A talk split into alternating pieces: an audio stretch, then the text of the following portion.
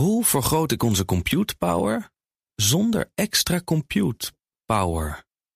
Lenklen, Hitachi Virtual Storage Partner.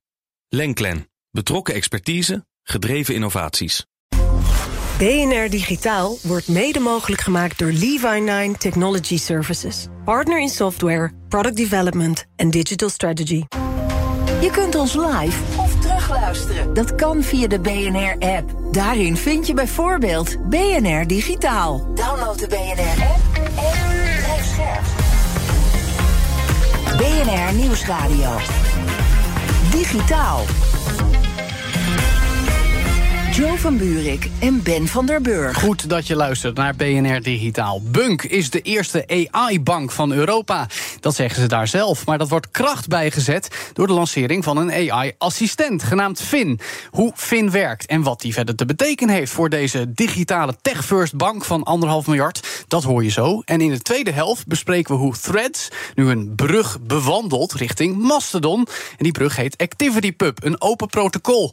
En daarnaast hebben we nog over de risico's van AI en andere algoritmes. Want dat heeft de autoriteit persoonsgegevens in kaart gebracht de afgelopen tijd. En hoe beteugelen we die risico's nou, nu het nog kan? Maar eerst Ben van den Burg. Ja. Moeten we het hebben over aerotainment. Aerotainment. En nieuwe Europese tech-wetgeving. Ja, eerste aerotainment. Pornhub, Stripchat en X-video's. Ja, die hebben... Leuke die websites. Ja, die hebben leuke websites. Die hebben ooit gecommuniceerd dat bijvoorbeeld X-video's 160 miljoen gebruikers heeft in Europa. Nee, totaal. Ja, totaal. Nou. In Europa zegt YouPorn 7,2 en Pornhub zegt in Europa 33 miljoen. Maar Ja. alleen al Pornhub heeft wereldwijd 2 miljard. Nou, Europa 33 miljoen, dat ja, is dat best wel gek. niet helemaal. Dus toen ging de, ging, de- ging de Europese Commissie, de DSA, de Digital Service Act, die zegt van nee, jij hoort wel bij een Ja, groot. want als jij 45 miljoen gebruikers per maand hebt, dan ben je een very large Very operating large. platform. Het gaat om het formaat hebben. Het gaat om het formaat. En eh, dus, nou ja, dus, in principe natuurlijk goed. Dus nu vallen ze onder de DSA. Ze moeten nu mooie controles van... is de content niet illegaal? Ze moeten transparant worden. Recommendations, dus wat jij voorgeschoteld krijgt... Ja. dat moet inzichtelijk worden gemaakt. Je kan ook klagen als je niet voorgeschoteld krijgt... wat de bedoeling is. Want Ben, hoe dat- verwacht je dat ik dit zonder grijns op mijn gezicht allemaal. Ja, dit moeten we zonder grijns Ja, moeten we delen. Ja. Nou ja, de- dus ze moeten daaraan voldoen. Ja. Maar ook 18 plus zorgvuldige. Ze mogen er gewoon geen teringzooi van maken. Nee. En ja, dus hartstikke goed dat, ze, dat de DSA ook Het is wel- deze partijen. Iets bij uitstek wat we niet verwacht hadden van deze nieuwe wetgeving. Want wij dachten, oké, de, de, de grote webwinkels, de social media platforms, de Ja. videoplatforms, maar ook de porno-websites worden nu dus onderworpen Ja. aan de macht van Europa en techregulering. Ja, de aerotainment uh, Ja, aerotainment, dat is het woord. dat is het woord. Eh, ja, maar eigenlijk dat wij dat niet eerder hebben bedacht. Nee, Want inderdaad. Dat is zo logisch Dat als we nu, nu een communiqué vanuit de EU zien dat we denken: oh ja, natuurlijk, daar zitten best wel veel gebruikers. Want bij, bij die andere, het zijn er best niet zo, want 45 miljoen heb je niet zomaar. Dus Nee. het zijn best wel TikTok, weet je, meta, logisch. Maar dat hadden we niet verwacht. En Nee. nu is strenge regels. Ja, Ja. dus dat is alleen maar hartstikke ik, goed. Ja, ik vind het toch fascinerend, Ben, dat we nu een discussie krijgen met bepaalde spelers die liegen over Nou, het formaat van hun bereik. Hoe groot ze zijn. Ja. Want dat was mooi, drie, vier Hoeveel maanden mensen geleden... bezig zijn. Ja, precies, maar drie, vier maanden geleden had Twitter, Meta...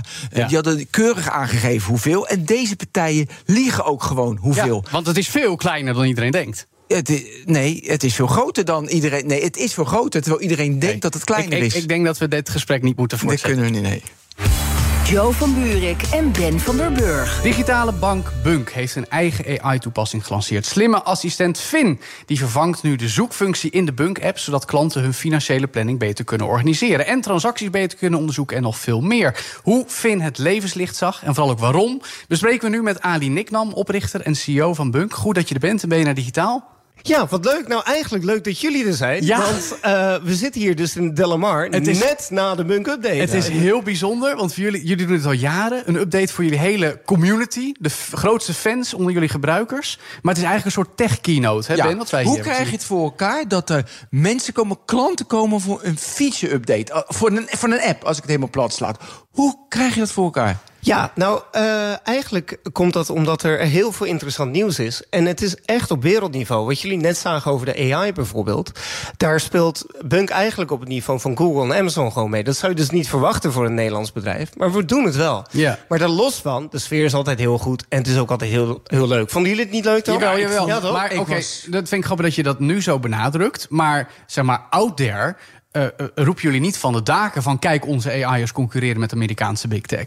Maar hier doe je dat wel op een hele leuke manier, zou ik zeggen. Ja, omdat, en dat komt omdat wij eigenlijk van oudsher niet heel erg met andere bedrijven bezig zijn. Of dat nou andere neobanks zijn, of andere banken zijn, of andere techbedrijven zijn.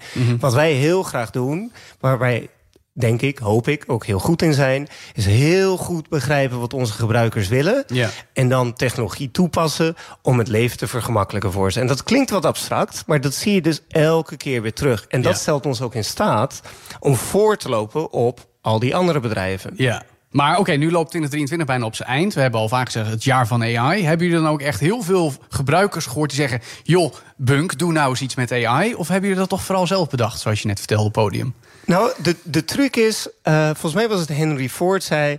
if I would have listened to people, I would have built faster horses. De truc met luisteren naar gebruikers... is begrijpen wat ze echt zeggen en wat ze eigenlijk willen weten. Ja. En als wij kijken naar bijvoorbeeld de vragen die we via ons supportkanaal binnenkrijgen, maar ook via onze gebruikers, want we doen heel veel gebruikersonderzoek, dan was AI aan zich, want ja, wat moet je nou met AI? Dat is net zoiets als, eh, ja, wat, wat moet je met een eh, schroevendraaier? Ja. het is maar een middel. De vraag is, wat doe je met dat middel? En als je ziet wat wij ermee kunnen... dus bijvoorbeeld, eh, waar heb ik voor, de, voor het laatst gegeten met een vriend of een vriendin? Of wat is mijn favoriete plek in Amsterdam? Of eh, hoeveel, he- hoezo heb ik deze maand meer uitgegeven dan vorige maand? Dat zijn allemaal vragen...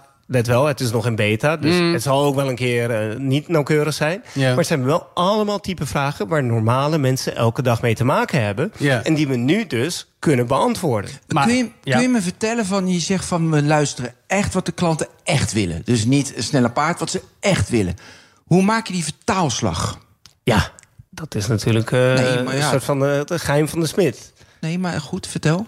Nee, maar dat is, nee, oprecht, dat is het geheim van de smid. Maar dat, Ja. dat is gewoon, heel weinig bedrijven kunnen het.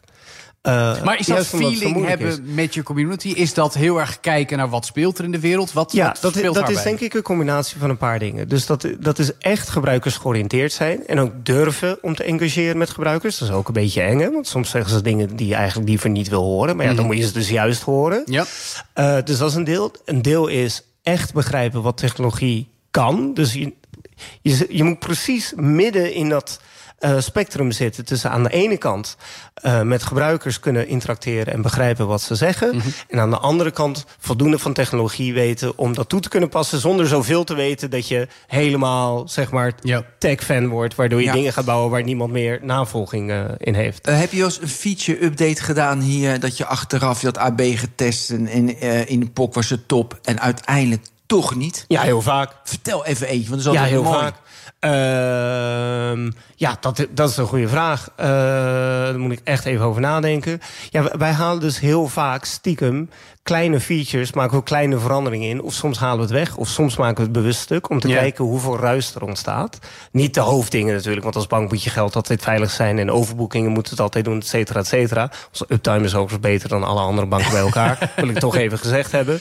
Maar eh, ja, die kleine dingen, daar, daar, daar spelen we wel eens mee... om te kijken wat nou de interactie is. Of veranderen teksten wel eens. Ja, ja. Maar we halen dus ook inderdaad wel eens dingen weg. Ja, laten we het even over AI gaan hebben, over Fin. Want in de aankondiging las ik ook, jullie gebruiken meerdere taalmodellen, waaronder GPT-4. Hoe ziet zo'n combinatie er dan uit? J- jullie cherrypicken verschillende AI-taalmodellen en technologieën om Fin te laten Ja, werken? ik, eh, dit wordt dan wel een klein beetje een technische Graag. uitleg. Maar Probeer hem. Je hebt op dit moment heb je een aantal zogenaamde foundational LLM's. Ja, die kennen we. En dat zijn de large language models. Nou, dan heb je het over ChatGPT, eh, Gemini. Ja, Llama eh, 2 wellicht ook. 2, ja, precies. Facebook. Nou, die eigenlijk is wat, wat die dingen doen. Is heel bijzonder, maar technisch inmiddels niet zo spannend meer. Het kost gewoon heel veel geld om zo'n eh, language trainen, model ja. te maken. Ja, en energie trainen. ook nog. Ja, eh, letterlijk. Elektriciteit. Ja, dat klopt. En dat, dat, daar zit het geld dan ook in. Mm. Maar vervolgens, waar de spannende dingen echt mee gebeuren... is hoe je die large language modellen toepast. Ja. En dan zie je dus bijvoorbeeld dat Microsoft Office heeft Copilot geïntroduceerd. Uh, Google heeft BART, weet je wel. De, Zeker. Je hebt tegenwoordig autocomplete dingen, dingen die je helpen, dingen die teksten maken, dat soort zaken. Dat is zeg maar een combinatie van generative AI, wat gebruik maakt van die foundational uh, LLM's. Ja. En van andere generative AI dingen en zaken en Ja. modellen die je in huis ontwikkelt. En daar hebben we er veel van gezien. En nu doet Bunk er iets mee. En nu Hoe doet ziet die Bunker iets vertaalslag eruit En die dan? vertaalslag ziet er dus uit dus dat wij eh, zo'n large language model gebruiken om de vraag zeg maar, te interpreteren. Mhm. En afhankelijk van de vraag en afhankelijk ook van de belasting. Want eh, dit soort dingen kosten inderdaad heel veel energie. Ja. Routeren we hem of naar eh, Gemini of naar eh, ChatGPT. Dus je kiest eigenlijk degene die het beste matcht Ja. qua energie en ja, query. Ja, en nadat hij geparst is, draait hij door onze eigen infrastructuur heen om eh, tot een antwoord te kunnen komen. Ja, die het is specifieke een kunnen meerdere, Ja, dus het is meerdere stappen, zeg maar. Ja. En dat maakt het ook zo bijzonder, want er zijn heel Ja. weinig bedrijven die dit kunnen. Maar het is ook nog eens gekoppeld aan jouw hele data over jouw financiële huishouding als gebruiker. Ja, Dat kan zeker. een eng idee zijn, Ali. Nou, dat is een hele goede vraag. Ik ben ook blij dat je dat vraagt. Want dataveiligheid staat op nummer 1 bij Bunk. En de manier waarop wij dit hebben gedaan... is door te zorgen dat al jouw gebruikersdata... wordt allereerst in Europa bewaard. Ook die la- large language modellen. We gebruiken alleen zaken die in Europa worden eh, bewaard. En dat biedt je al eh, veiligheid door GDPR. Ja. Nou, het tweede is op architectonisch niveau hebben we er ook rekening mee gehouden. Want al jouw data staat dus bij ons. Zeg maar, die database van jou, van jou staat zeg maar een plakkertje op. Ja, is gelabeld. Label is gelabeld. Alleen voor jou, kan niks anders bij. En architectonisch hebben we daar op de, alle niveaus wordt daarop gecheckt. Dus die wordt ook niet gebruikt om Fin nog beter te maken. Die wordt gebruikt om die laag van onszelf beter te maken. Maar dat wordt dus niet naar Gemini of naar ChatGPT gestuurd. Knap. Ja. Maar eh, hoe het GPT-4 draait toch wel in de US? Of heb je die koppeling gemaakt dat ze, dat ze niet jouw data pakken, dat het naar de US gaat? Nou, eh, eh, ChatGPT is van Microsoft. Ja, nee, ja. En Microsoft biedt een dienst aan via Azure. Oké, je hebt gebruikt een Azure ervan. Ja, Azure in Zweden. Dus de API. dat valt Met een soevereine cloud voor Europese ja, gebruikers. ja, ja. Precies, oké. Maar goed, eh, los van Fin, je zei net ook op het podium... we gebruiken al jaren AI bij Bank. Jullie zijn de eh, eerste AI-bank van Europa, heb ik zelfs Nou, van de gehoord. wereld. Van de wereld. Nou ja, maar goed, dat, dat is dus nogal... Ah, dat is er wel Ja, groot. maar maar dat is wel groot. Ja, dat zal. Maar Nou, controleer het maar. Nee, oké, Controleer het maar. Ali, onderbouw hem even. Want hoe, hoe, hoe, hoe zijn we dan hier naartoe gegroeid en waar gaan we naartoe? Ehm, ik weet de jaartallen niet meer exact uit mijn hoofd. Maar eh, dan toch even een poging. Wij lanceerden in 2015, Mhm. volgens mij voor het grote publiek. Eh, toen hadden wij al machine learning om eh, je data veilig te hou- houden. Oh, Ja, oké. ja. Dus, en dat komt omdat wij gewoon een stelletje tech-nerds zijn, eigenlijk. Of tech-geeks, afhankelijk van welk van de woorden je. eh We vinden ze allemaal mooi. Ja, mooi.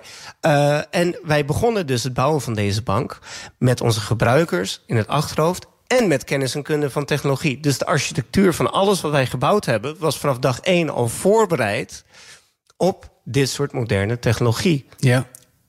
Oké. Nou, en daardoor kunnen wij dit nu ook. Wij draaien dus niet op database systemen uit het jaar nul... die nog op COBOL draaien, bijvoorbeeld. We moeten niet achteraf nog dingen gaan Nee, verbouwen. en ook dat is natuurlijk een verschil met andere banken. Ja. Ook omdat jullie later zijn begonnen en gelijk op zo'n manier begonnen. En dus kun je blijven voortborduren. Ja, en dan had ik direct. eh, heb je ook legacy? Merk je nu al dat er legacy in komt? Ja, natuurlijk. Dat gaat zo snel bij. En da- daarom eh, in, in vakjargon refactoren we ook regelmatig. Hmm. En daarbij helpt het dat ik zelf al vanaf mijn negende programmeer.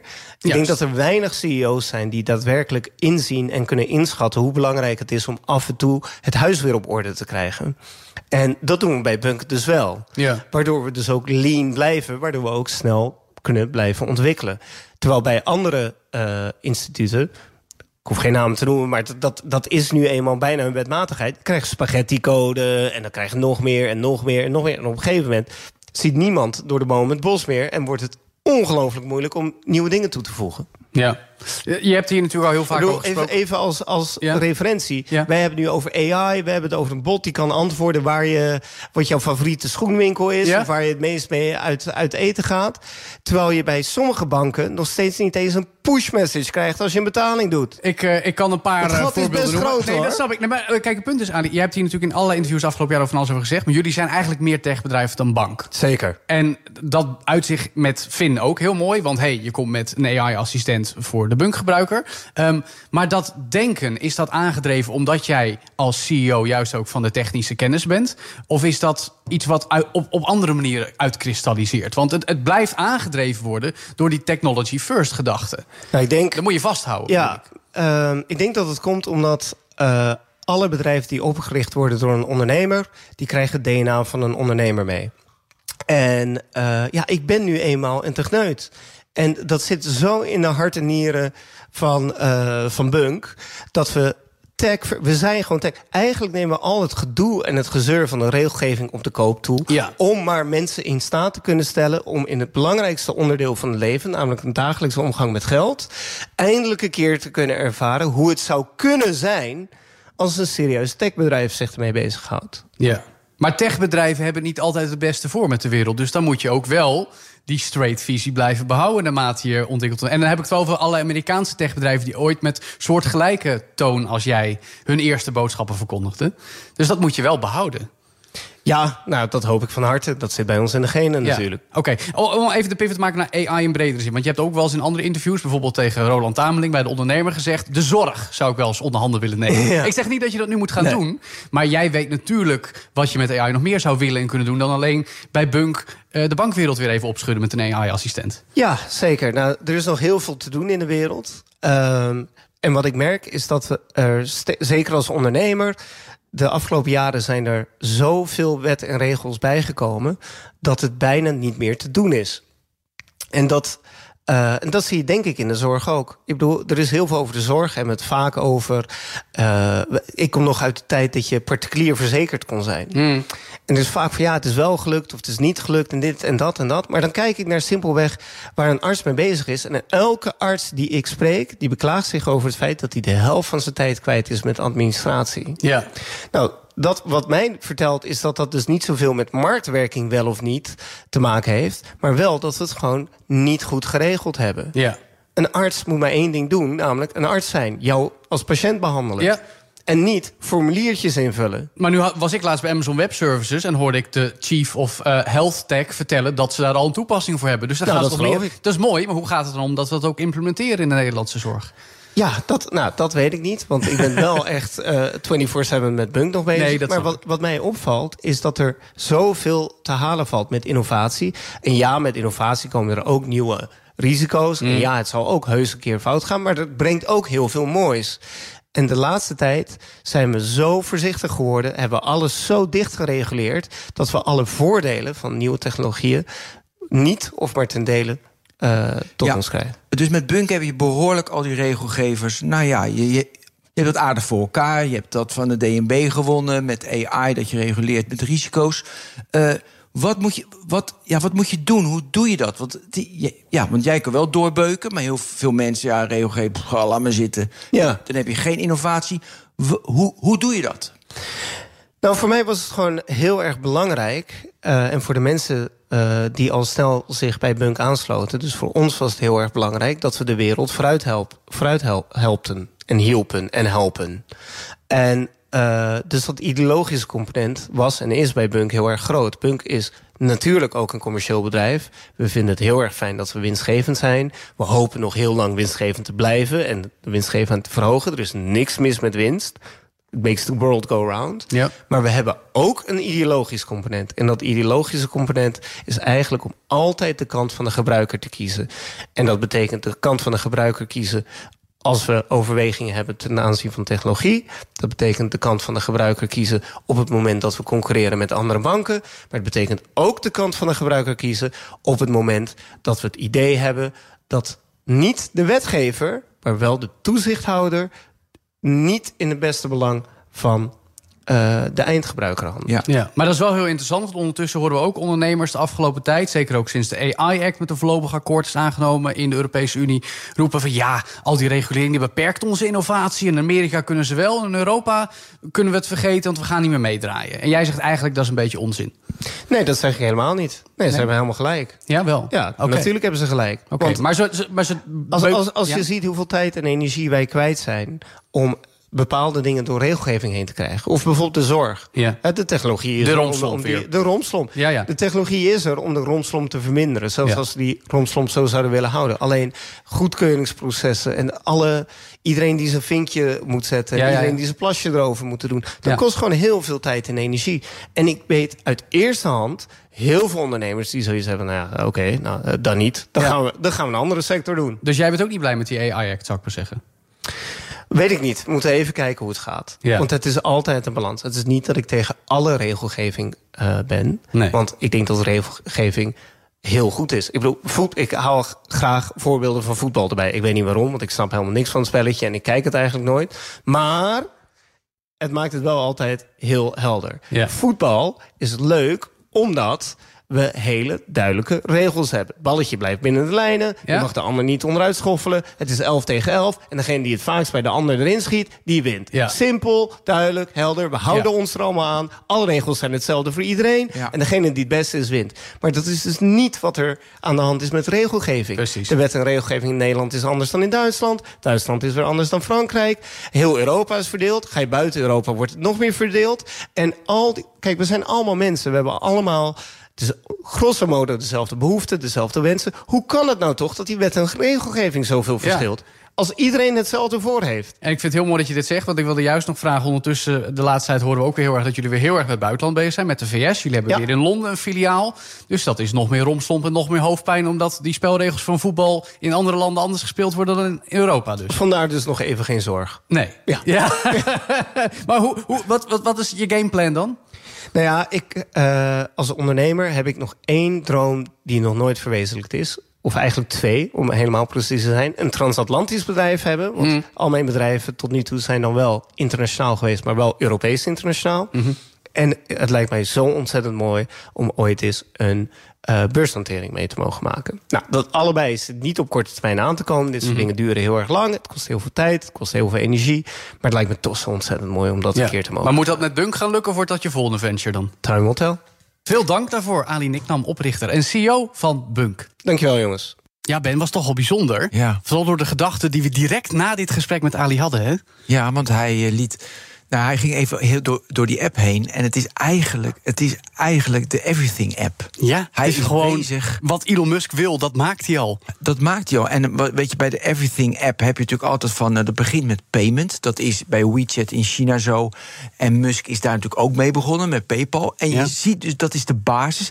Dat is nu in de westerse wereld moeilijk. Want ja, weet je, payment, wie heeft een banklicentie? En hij heeft dat Ja, maar dus. Bunk heeft eigenlijk via de moeilijke route... namelijk eerst een banklicentie en dan een tech-platform. Daarom. Dus En- dat is heel slim. En al, wel je, moeilijk. en al je vrienden en weet Ja. je, die, wat ze uitgeven en dat je die kan messagen. Ja. Dus weet je, als je, hij dit doorzet, dan hebben we toch de Everything app. En Nou, hij is hem aan het maken. Ja, Daar moeten we sowieso nog eens over doorpraten. briljant. Dus, maar goed, straks in BNR Digitaal duiken we in Activity Pub, het open protocol dat een brug vormt tussen Mastodon en Threads over social media gesproken. En daarmee maken ze met elkaar een vuist tegen dat X, wat we net noemden van Elon Musk. En we spreken de autoriteit persoonsgegevens over de huidige risico's van AI in ons land. Dat brengen zij namelijk elk half jaar in kaart met een rapportage en hoe een deltaplan die risico's moet beteugelen. Blijf luisteren.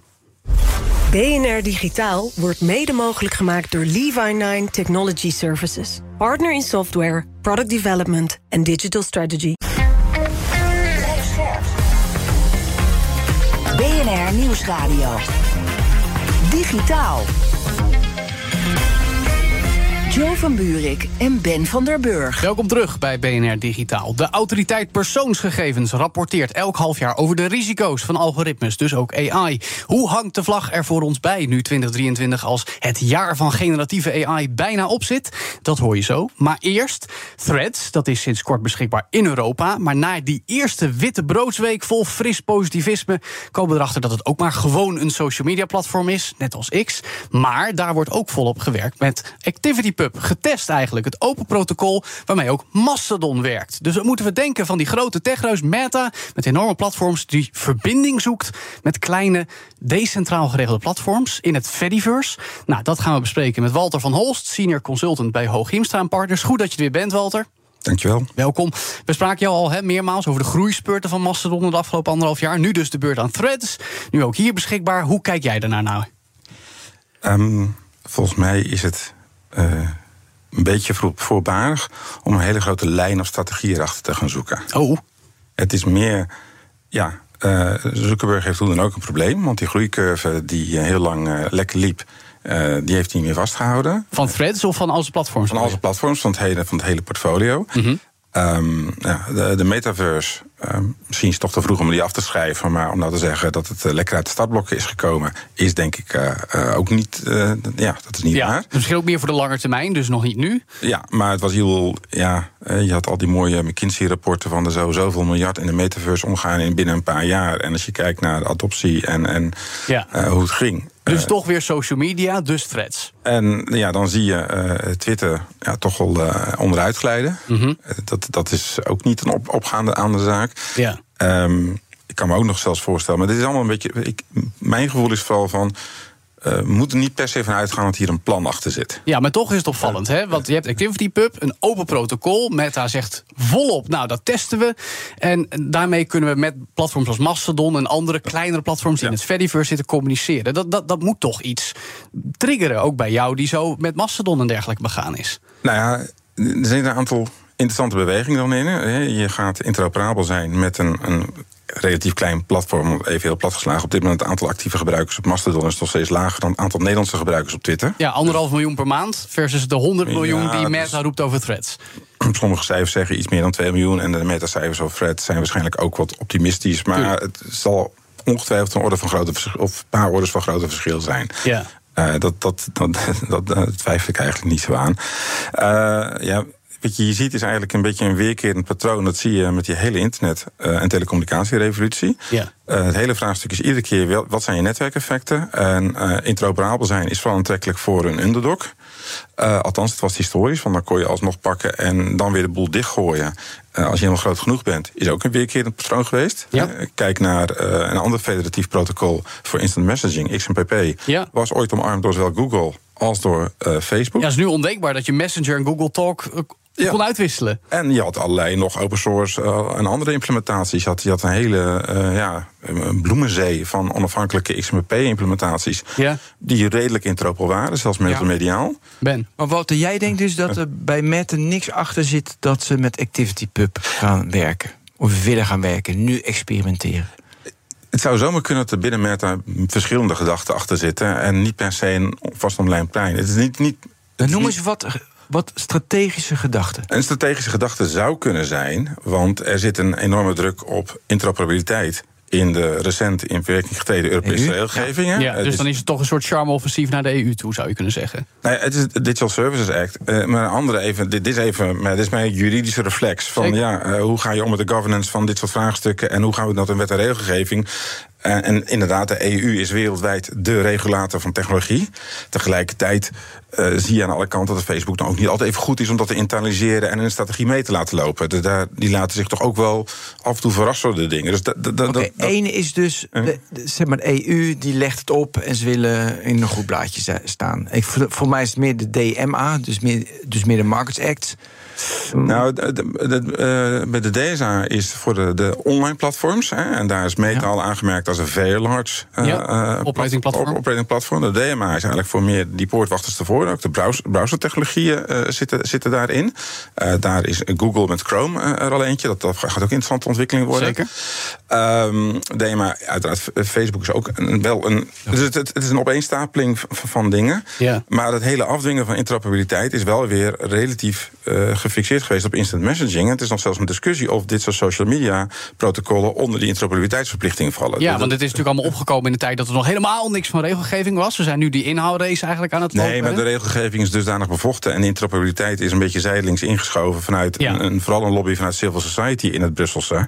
Maar dat is één. Ik wil, we willen even de strategische richtingen van Meta Ja, welke waarde is er voor Meta om activity Ja, nogmaals, als we dan toch koffiedik gaan kijken. Ja. En, en, ja, en een andere is heel simpel. Je hebt een portfolio met Facebook. En dat is toch een beetje eh, voor de racistische oudooms... die je op familiefeestjes liever ook op een gegeven moment niet meer hoort. Ja. Eh, eh, qua, ja, even het heel bruut te segmenteren. Ja, ja, ja. Eh, Oké, boomer. Eh, eh, de jonkies zitten op Instagram, Snapchat... of zelfs dat nog niet meer. Inst- Snapchat is- TikTok. TikTok, Sn- Snapchat zijn de, de big deal. Ja, en je hebt nog het leuke segment voor nieuwsjunkies... eh, van middelbare leeftijd... zoals eigenlijk de mensen die in deze studio staan. Ja. En die veel te veel tijd spenderen aan Twitter... terwijl het ook eigenlijk helemaal niet zo belangrijk is. Ja, nu is het grappig dat wij dat zelfs al niet meer doen. Want we proberen heel actief op threads te Ja, zitten. Dat is is ook al niet meer gelukt. Maar goed, toch is het interessant, Walter. Want Mastodon is open source. Geen advertentie. Een non-profit eigenlijk. Is ook gratis om te gebruiken. Ook kun je doneren. Threads, niet open source. Nog geen advertenties. Gratis, maar alleen met je Instagram-account. Als je al je data opgeeft of betaalt. Dat valt toch niet met elkaar te rijmen. Nee, maar Mastodon is één Activity Pub implementatie. Ja, dat snap ik. Ja, maar de bekendste en de grootste. Het, het bekendste, de grootste. Ehm, ja, ehm, Dus het is toch gek dat zo'n groot techbedrijf... zo'n decentraal verhaal gaat aanhangen. nou, nogmaals, er, lig- liggen kansen op zeg maar, een aantal deelniches... die nooit lekker op Facebook gelopen zijn. Hè? Zeg Ja. maar op enig niveau over het nieuws te discussiëren. Eh, dat lukt niet op LinkedIn. Mhm. Eh, Dat is ook nog een interessante speler wat dat betreft. Ja, LinkedIn is wel eigenlijk degene die continu met de buitenhaal lijkt te gaan op dit moment. Ja. Ja. Eh, eh, eh, De enige plek waar mensen nog voor een plezier lijken te zitten. nou, Over het algemeen. Maar ook steeds minder. Ja. Maar denk jij Ja. dat, er, want dat wil Max Zuckerberg, dat er, dat, er 1, dat er 1 miljard mensen zijn die bereid op, op een soort Twitter-achtige X8 threads, dat die de politieke discussie of de developers-discussie of de discussie over auto's, een, een, een, een niche groep mensen die gaan discussiëren, uiteindelijk totaal een miljard. Is daar ruimte voor? dat denk ik niet. Ik denk dan nog eerder aan iets anders. Ja. En dat is, eh, dat is meer. Meta is groot genoeg om het net als Google eigenlijk niet zo te interesseren waar je zit. Die data krijgen ze toch wel. Ja, oké, dus we willen gewoon zoveel mogelijk binnenhalen. Ja. Dus mooi die koppeling, want dan Als- kunnen mensen als- nog meer consumeren op in ons een, in platform. een federated ecosysteem zit, Ja. kun jij eigenlijk altijd meekijken en meeluisteren, et cetera. Zolang je niet gedefedereerd wordt. Wat uiteraard nu wel de hevige discussie is. Mhm. In dat deel van de VDV'ers, wat we meestal Mastodon noemen, waar juist allerlei mensen zitten, zoals ik zelf, Mhm. die vooral helemaal niks met meneer Zuckerberg te maken willen hebben. En daar is zelfs de discussie gaande. Niet alleen ga je überhaupt federeren met Freds, nee, ga je nog wel federeren met partijen die wel federeren met Freds. Gaan we Ja. niet vol in de boycott. Ja, maar dat is dus interessant. Dan heb je dus een heel nieuw soort eilandjesvorming. Terwijl dan haal ik wel even de woorden van Eugen, of, eh, Eugene Roschko, de oprichter van Mastodon, aan. Hè. Die zegt: brede adoptie van ActivityPub, dat is juist mooi. Met elkaar een vuist tegen X, zegt hij eigenlijk impliciet. Ehm, terwijl inderdaad die kritiek van fanatieke eh, Fediverse-aanhangers hebben we ook al gehoord. Eh, ook mensen die komen dan met de uitdrukking embrace, extend, extinguish. Zoals andere techbedrijven eens hebben zien doen. Hè. Eerst doen, nou dat is leuk. Dan ga je het zelf groot maken. En dan ga je er vandoor en dan ga je het helemaal anders doen.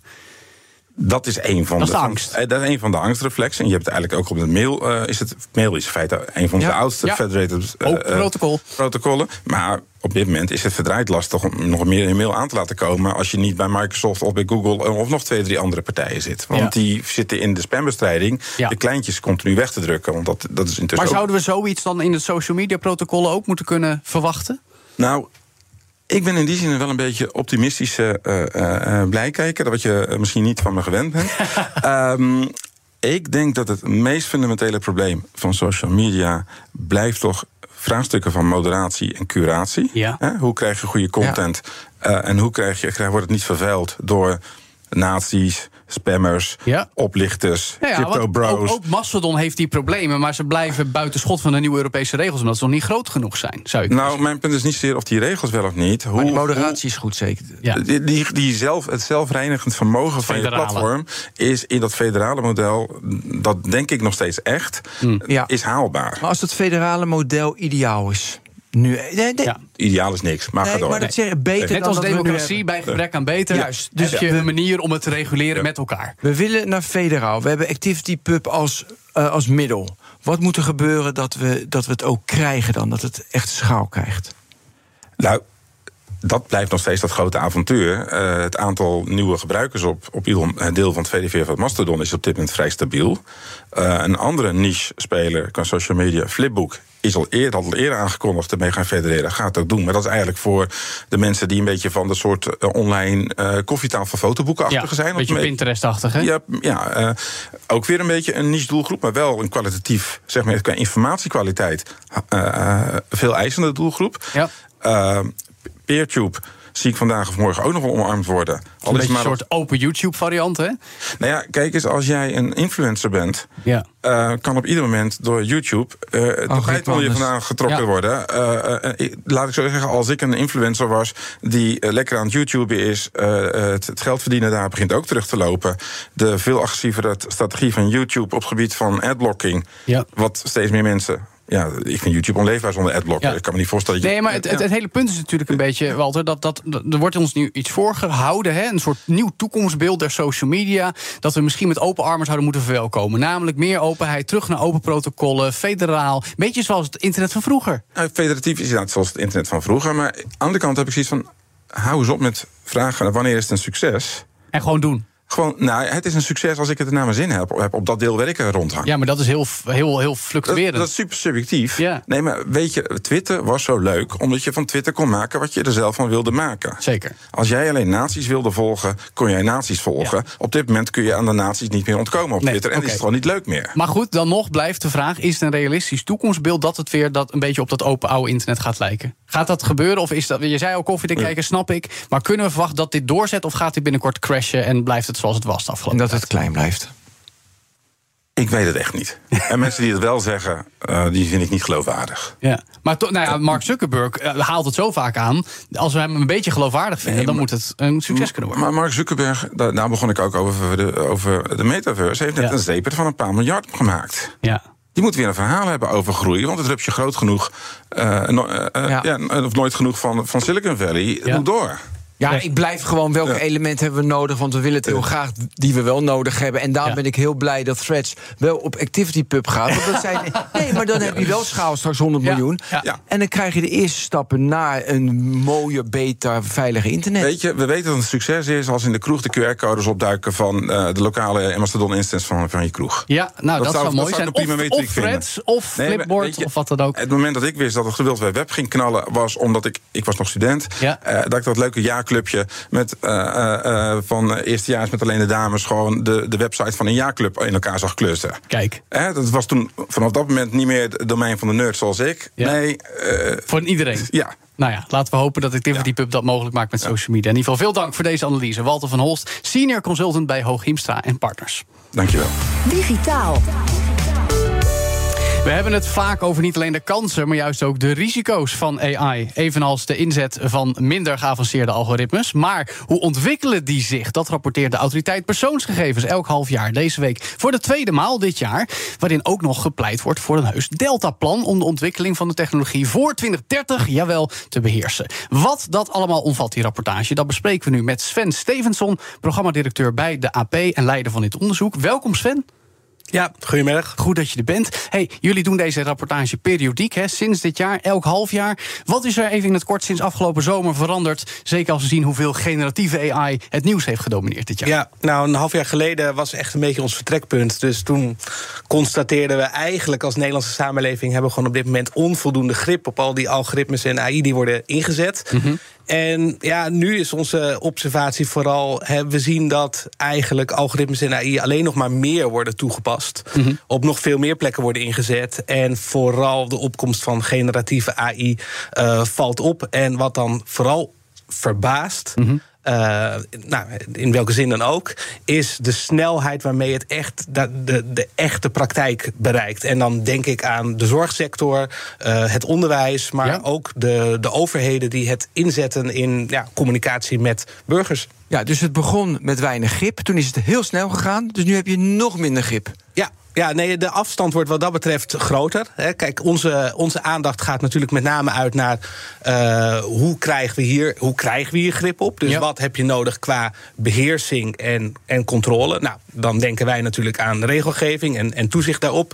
Wordt aan gewerkt, eh, maar de snelheid waarmee de adoptie gaat is gewoon nog sneller. En je zegt van eh, het laatste half jaar dus in de gezondheidszorg. Kun je voorbeelden geven dat je zegt van nou, dat dit in de gezondheidszorg nu wordt gebruikt. Wat een half jaar geleden nog niet het geval was. Nou ja, kijk, en niet eens zozeer een half jaar geleden, maar die, de, de grote adoptie van, en, van die taalmodellen is een jaar geleden. ChatGPT Nou, dat begon het jaar. gelanceerd. Ja, dit is het jaar van AI wat dat betreft. Juist, ehm, maar dus eh, nou, voorbeelden. En we zien echt wel dat het best zorgvuldig gebeurt. Maar het gebeurt wel Mhm. Ja. eh, in, in ziekenhuizen dat ze generatieve AI inzetten voor het beantwoorden van patiëntvragen. En Ja. het gebeurt voorzichtig. Dat gaat dan om wat ze. Maar wat, toch maken jullie je zorgen als zoiets gecommuniceerd wordt dat dat gebeurt. Nou, met name omdat, oké, wacht even, dit is een hele nieuwe technologie. Mhm. en, en, en denk aan eh, hè, voorbeelden als hè, de opkomst van de auto en hoe dat de stad verandert. En de opkomst van internet en de mobiele telefoon. De consequenties kan je niet altijd gelijk overzien. Ja. En zeker met generatieve AI, dat vergt weer een hele nieuwe mens-machine interactie.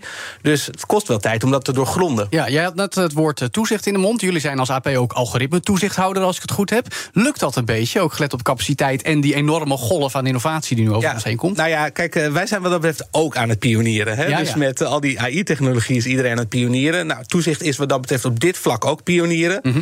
Wij zijn wat dat betreft eh, zijn wij wel echt gelukkig dat er nu in ieder geval een politiek akkoord is over die AI-act. Hebben we daar Ja, duidelijk op Europees niveau, hè? op Europees niveau, maar duidelijkheid over wat een belangrijk onderdeel van onze gereedschapskist gaat, eh, gaat worden. Mhm. Maar dat moeten we wel concretiseren. Zowel de regelgeving voor wa- wat betekent nou echt dat organisaties moeten gaan doen.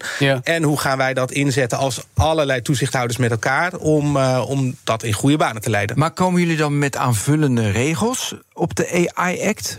Hoe ziet dat eruit? Nou, wat je, hoe je dat moet zien is dat eh, die, die AI-act is nog steeds best hoog over. Hè, die geeft een aantal dingen heel duidelijk aan. Eh, jullie hebben daar ook eerder Ja, over gesproken. ja, van risico's. wordt verboden, hoog risicosystemen. eh, AI mag niet discrimineren, dat soort zaken. Maar hoe gaan we dat nou concreet doen? Ja, want Wanneer is een AI-systeem discriminerend? Dat zul je moeten meten op een bepaalde manier. Ja, want als ik goed heb in de rapportage van jullie... stelden jullie nog dat we ook weer geen wonderen van die AI-act hoeven te verwachten. Bijvoorbeeld omdat de wettelijke compliance bij systemen met hoog risico... toch al heel erg leunt op inschatting van de producenten. Dus de partijen erachter. Dus dat gaf aan dat je er nog niet heel veel fiducie in had... dat je er ook echt iets mee kon. Is dat dan nu veranderd? Of kun je er Nee, zelf dat- meer mee? Dat blijft hetzelfde. Ja. Want het, no- nog steeds eh, is het wel eh, het, de gereedschapskist. Ja, maar je moet En- hem zelf oppakken en gebruiken om schroeven aan te gaan draaien. Ja, kijk, het uitgangspunt is natuurlijk dat alles volgens het boekje verloopt. Maar de werkelijkheid is weer bastiger. Dus, Ja, juridische eh, procedures dan heb ik jou daar. Ja, maar ook überhaupt. Je moet er rekening mee houden dat al is het met de. We gaan niet eens uit van slechte intenties. Ja, maar ja. ook in de goede intenties zullen er toch verkeerde inschattingen gemaakt moeten worden. Het is ook nieuwe regelgeving, dus dat is voor iedereen wennen.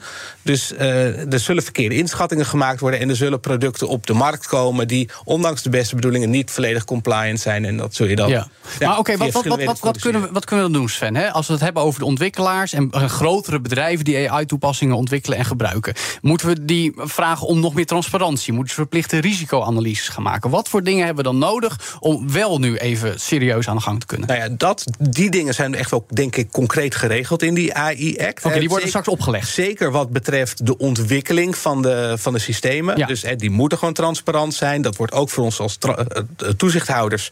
komt gewoon in een database te staan, hebben toegang toe. Ja. Heel fijn. Ook richting de burger wordt het duidelijk dat dat goed is gekeurd. De, de- die eisen zijn duidelijk voor die systemen. Mhm. Denk dus de aandacht kan aanvullend nu ook wat meer naar...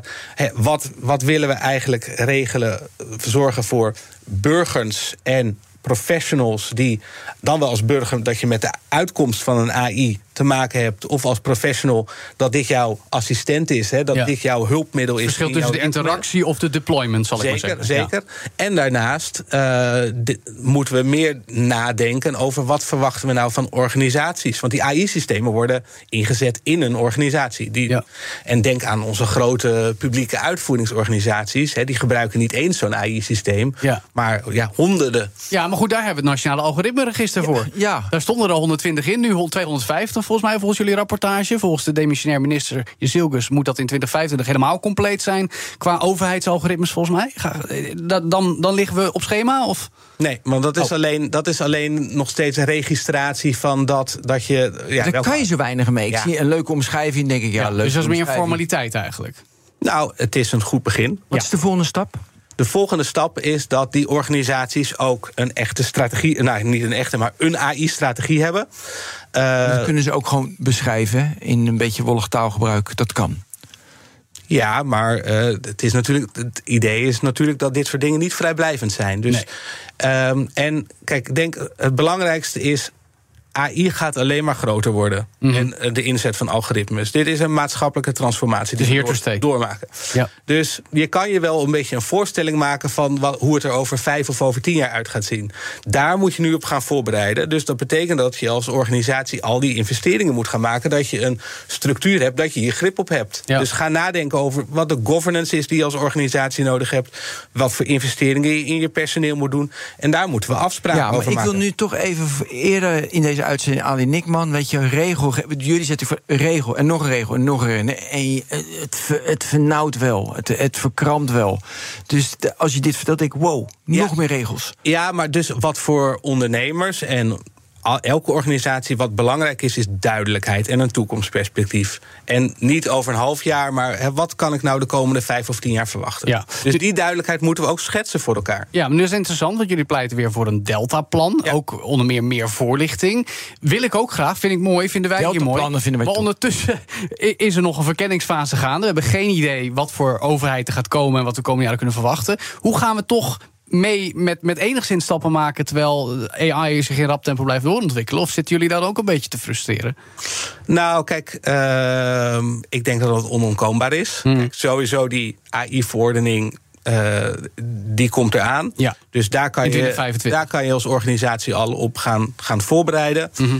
Ehm, en ja, een, een slimme organisatie die bereidt zich erop voor dat hij een structuur heeft voor het feit dat hij al die verschillende AI heeft. Ja. En ja, dat zijn ook, he, ook financiële en personele investeringen die, met je, die je met het oog op meerdere jaren moet, moet, moet doen. Ja. Maar ik denk de grootste zorg is nog wel eh, gewoon de, de, de educatie en de opleiding van, van mensen, van ons allemaal. van Hoe doen we dat beter? Want wij doen het hier in ons programma. We doen het überhaupt bij BNR eigenlijk elke dag, zou ik zeggen. Nou, meer media. Ik zie echt heel veel artikelen, analyses over AI. In ieder geval, men is ermee bezig. Hè, het maatschappelijke debat. Wat is de volgende stap? Naar scholen, naar, naar mensen thuis, overheidscampagnes? Wat verstaan jullie dan onder voorlichting die het meeste impact Nou, maakt? scholen, denk ik in, in ieder geval. Ja, Maar- verplichte vak programmeren erbij. Ja, nou ja, dat, eh, ja en, en vooral denk ik risico inschatten. Dus kijk, uiteindelijk Digitale wat, vaardigheden. wat, wat algoritmes en AI doen, ja, maar het is wel iets anders. Want. Wat algoritmes en AI doen is voorspellen, klassificeren eh, eh, en profileren. Juist. En dat, dat heeft altijd te maken met onzekerheidsmarges. En vooral dat is super belangrijk om te weten. Wanneer kan ik wel en waar, wanneer kan ik niet op AI vertrouwen? Hoe zit de waarin is AI nou beter en waarin zijn wij als mensen nou beter in afwegingen maken? Ja. En die balans vinden is echt cruciaal om dit op een goede manier te laten landen in de samenleving. En, ja, en dan moeten jullie dat allemaal nog ook controleren. Naast al die dossiers die al elk jaar bij jullie binnenkomen. man, en de drukte die jullie hebben. En dit ook nog erbij, hè? Zijn jullie wel well equipped om Ja. dit aan te blijven gaan? Ehm, nou, kijk, wij, doen dit niet, wij gaan dit niet in ons eentje doen. Nee. Dus elke toezichthouder in Nederland krijgt hier eigenlijk mee te maken. Hè, omdat het gewoon in al die verschillende sectoren toekomt. Ja. Ehm, dus, eh, maar ja, ook voor ons geldt die uitdaging, ja. Ja, handhaven, die handel. Ja, en jullie blijven dus elk half jaar de rapportage doen, hè? Zeker. Nou, dan ben ik benieuwd. Spreken we elkaar komende zomer vast weer. En dan gaan we horen hoe het staat met uh, algoritmes en AI in Nederland. Dank Sven Stevenson, programmadirecteur bij de Autoriteit Persoonsgegevens. Tot zover BNR Digitaal. Luister je dit ook eh, als podcast? Nou, doe dat uh, vooral als je dat nog niet doet. Beoordeel ons ook op je favoriete podcastplatform. En ja, deel het met je vrienden natuurlijk. Hè. Doe dat ook met de tech-update voor het laatste technieuws twee keer per dag. En BNR Nexus hebben. Heel belangrijk. We discussiëren over tech. Willen we heel graag de mensen dat horen. En de technoloog met jou en Herbert Blankenstein. Ja, deze, deze week, hebben we over de Fediverse. Ja, wij hebben oh, onze bijdrage geleverd. Al. De Nederlandse datakluis. Kijk, dan als kan je, je als data, Fediverse. Ja, ja die geef data. je aan Meta en Google. Maar wat zouden we nou nee, als alternatief kunnen hebben? Je eigen datakluis, precies. Oh, gewoon zelf bewaren. Zelf bewaren. Dat is interessant. Nou, dat dus in de technoloog. En natuurlijk komende woensdag weer de laatste BNR Digitaal van 2023. Dus zeg ik namens onze hele techredactie tot volgende week. Dag. BNR Digitaal wordt mede mogelijk gemaakt door Levi9 Technology Services. Partner in software, product development en digital strategy. Hoe vergroot ik onze compute power zonder extra compute power? Lenklen, Hitachi Virtual Storage Partner.